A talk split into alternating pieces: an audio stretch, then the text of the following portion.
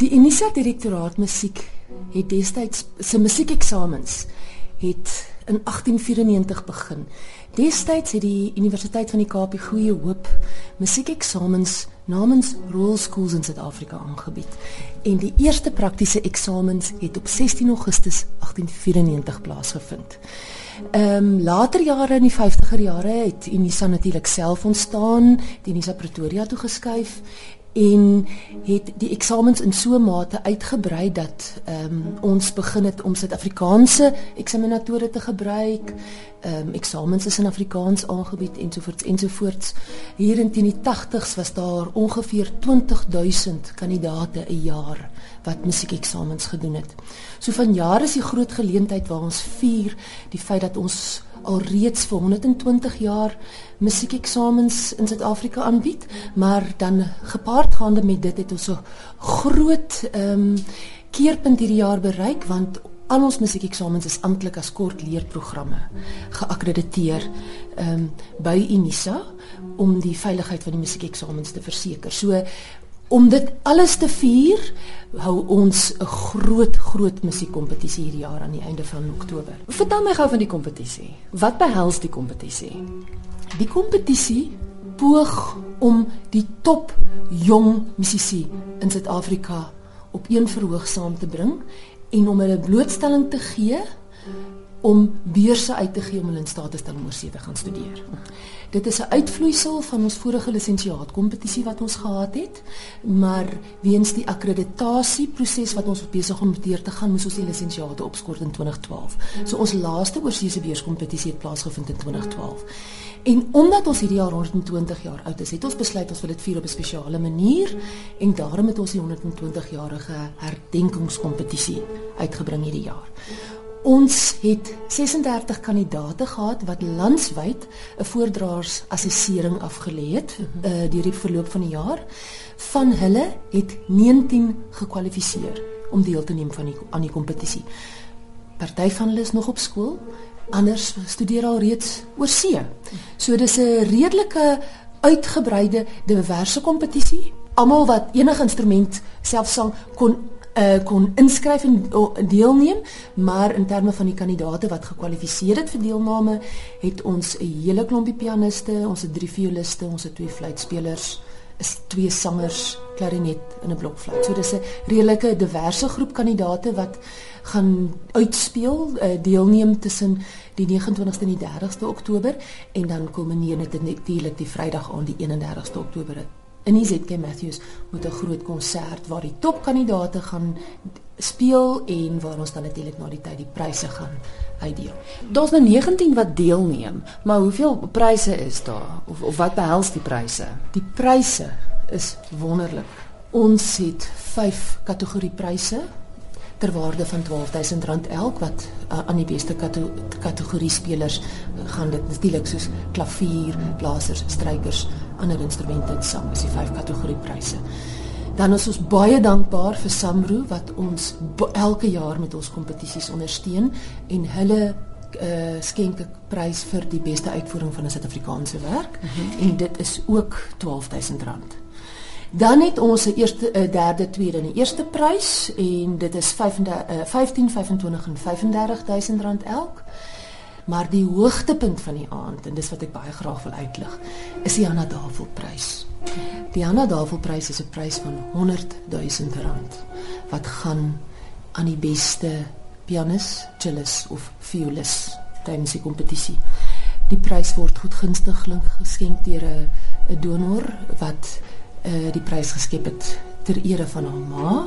Hanna Davel was 'n jong sangeres van die Kaap van Caledon wat ook in haar jong dae 'n paar musiekpryse gewen het. So ons is ontsettend dankbaar vir mense wat vandag ons musiek op hierdie vlak ondersteun met die toekenning van sulke pryse wat ons jong musisi in staat stel om oorsee te studeer. Die feit dat hulle oorsee gaan, voel dit nie asof mense hulle wegstuur van Suid-Afrika toe nie. Want hoeveel keer kom hulle terug? Het ons hulle nie juist nodig in Suid-Afrika of is dit nou maar voldwonge feit dat hier nie 'n toekoms is vir musikante in Suid-Afrika nie? Weet jy dit dit gaan beide kante toe. Van die musisi gaan weg en kom nie terug nie, soos die sportmense maar ook, mm -hmm. omdat daar bitter min geleenthede is om 'n loopbaan as 'n uitvoerende kunstenaar in Suid-Afrika te maak. As jy 'n loopbaan wil hê, ek weet jy het nou onlangs met Charles Du Plessis gepraat, dan moet jy soos Charles, soos Nathaniel uiteraard entrepreneurs te werk gaan. Die meeste van ons wat musiekonderwysers word en daar sluit ek myself in, doen dit totaal en al uit die liefde van die saak.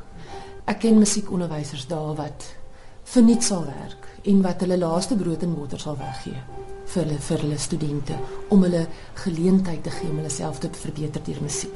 So ja, baie van ons studente gaan oor see en hulle kom terug met die doel om terug te ploeg in ons in ons gemeenskappe in.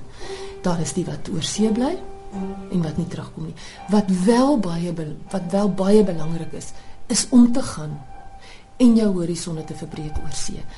Ons sit aan die suidpunt van Afrika en ons verwysingsveld hier kan baie klein word. Ons het die internet, ons het wonderlike internasionale kunstenaars wat hier na toe kom.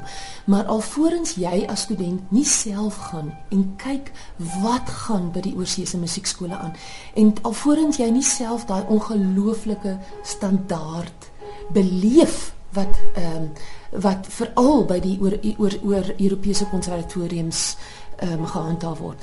As jy dit nie eerstehands beleef nie, dan gaan jy nooit kan terugkom en self die aspirasie om jou eie speelstandaarde te verbeter of om byvoorbeeld 'n hoër standaard mm. by jou eie studente in te prent. Want aan die einde van die dag is dit maar waaroor dit gaan. Ons wil standaarde verbeter en ons wil geleenthede skep. Daar's miskien van hierdie studente wat nou groot pryse wen wat nie eers 'n musiekstudieloopbaan gaan volg nie maar hulle gaan altyd onder loyale ondersteuners van musiek bly. En dit is wat wat ons wil hê. Daar's mense wat na jou radioprogramme luister. Daar's mense wat konserte bywoon.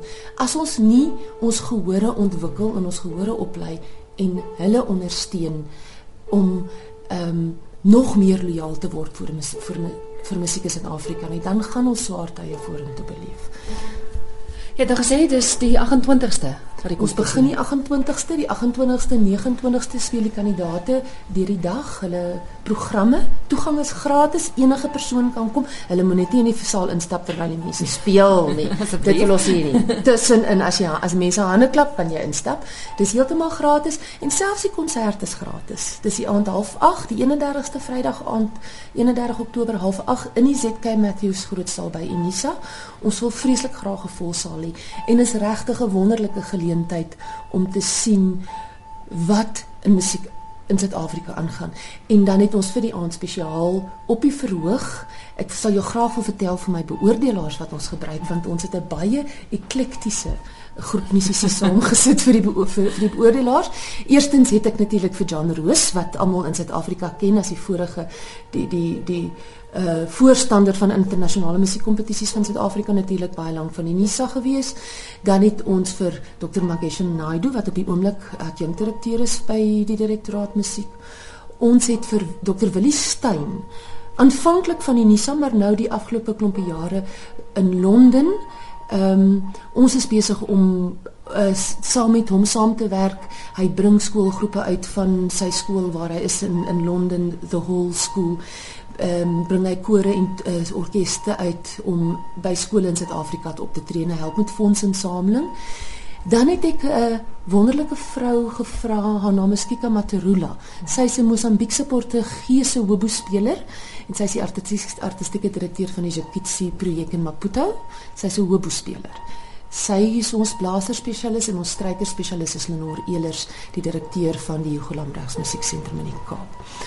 En dan saam met hulle die aand op die verhoog gaan ons ook hê professor Hubert van der Spuy, die mhm. vorige direkteur van 'n uh, professioneel van die direktoraat musiek en meneer Japie Saiman, my direkte voorganger. So deel van hierdie 120 jarige feesviering is ook om mense op die verhoog te kry, betrokke te kry wat die pad saam met ons gestap het, maar ook wat vorentoe nog 'n pad saam met ons gaan stap waaroor ons baie opgewonde is.